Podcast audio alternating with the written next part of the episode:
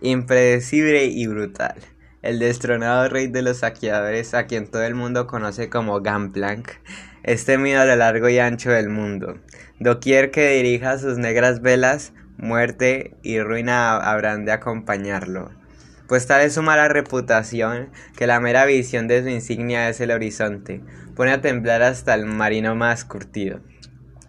Gangplank hizo fortuna usando de las rutas comerciales de los doce mares, y así se ganó muchos enemigos poderosos en Jonia. Provocó la ira mortífera orden de la, de la sombra tras saquear el templo del cuchillo dentado y hasta se dice que el mismísimo general, el mismísimo gran general de Noxus juró ver a Gangplank hecho pedazos, luego de que éste le robara el Leviatán. El buque de guerra personal de Swain y el orgullo de la flota noxiana. Aunque Gangplank ha provocado la ira de muchos, nadie ha podido llevarla ante la justicia, a pesar de los asesinos, cazarrecompensas y flotas enteras que han mandado tras él. Ver la creciente cantidad de recompensas que ofrecen por su cabeza le produce un desviado placer y se asegura de pegar los avisos en el tablón de los más buscados de aguas turbias. Para, para que todos los vean siempre que regresa al puerto con su barco lleno de tesoros.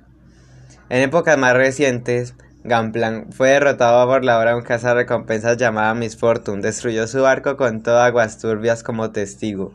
Mató a su tripulación y destrozó su aura de invencibilidad. Viéndolo vulnerable, las pandillas de aguas turbias se alzaron contra él, peleando entre, entre ellas por el dominio de la ciudad portuaria. A pesar de quedar horriblemente herido de la explosión, Gangplank logró sobrevivir portando una serie de cicatrices nuevas y con un nuevo brazo metálico en, en lugar del amputado. Está más, está más que determinado a recuperar sus fuerzas, reclamar lo que considera por derecho suyo y castigar sin compasión a todo aquel que se vuelva en su contra. Gamplan.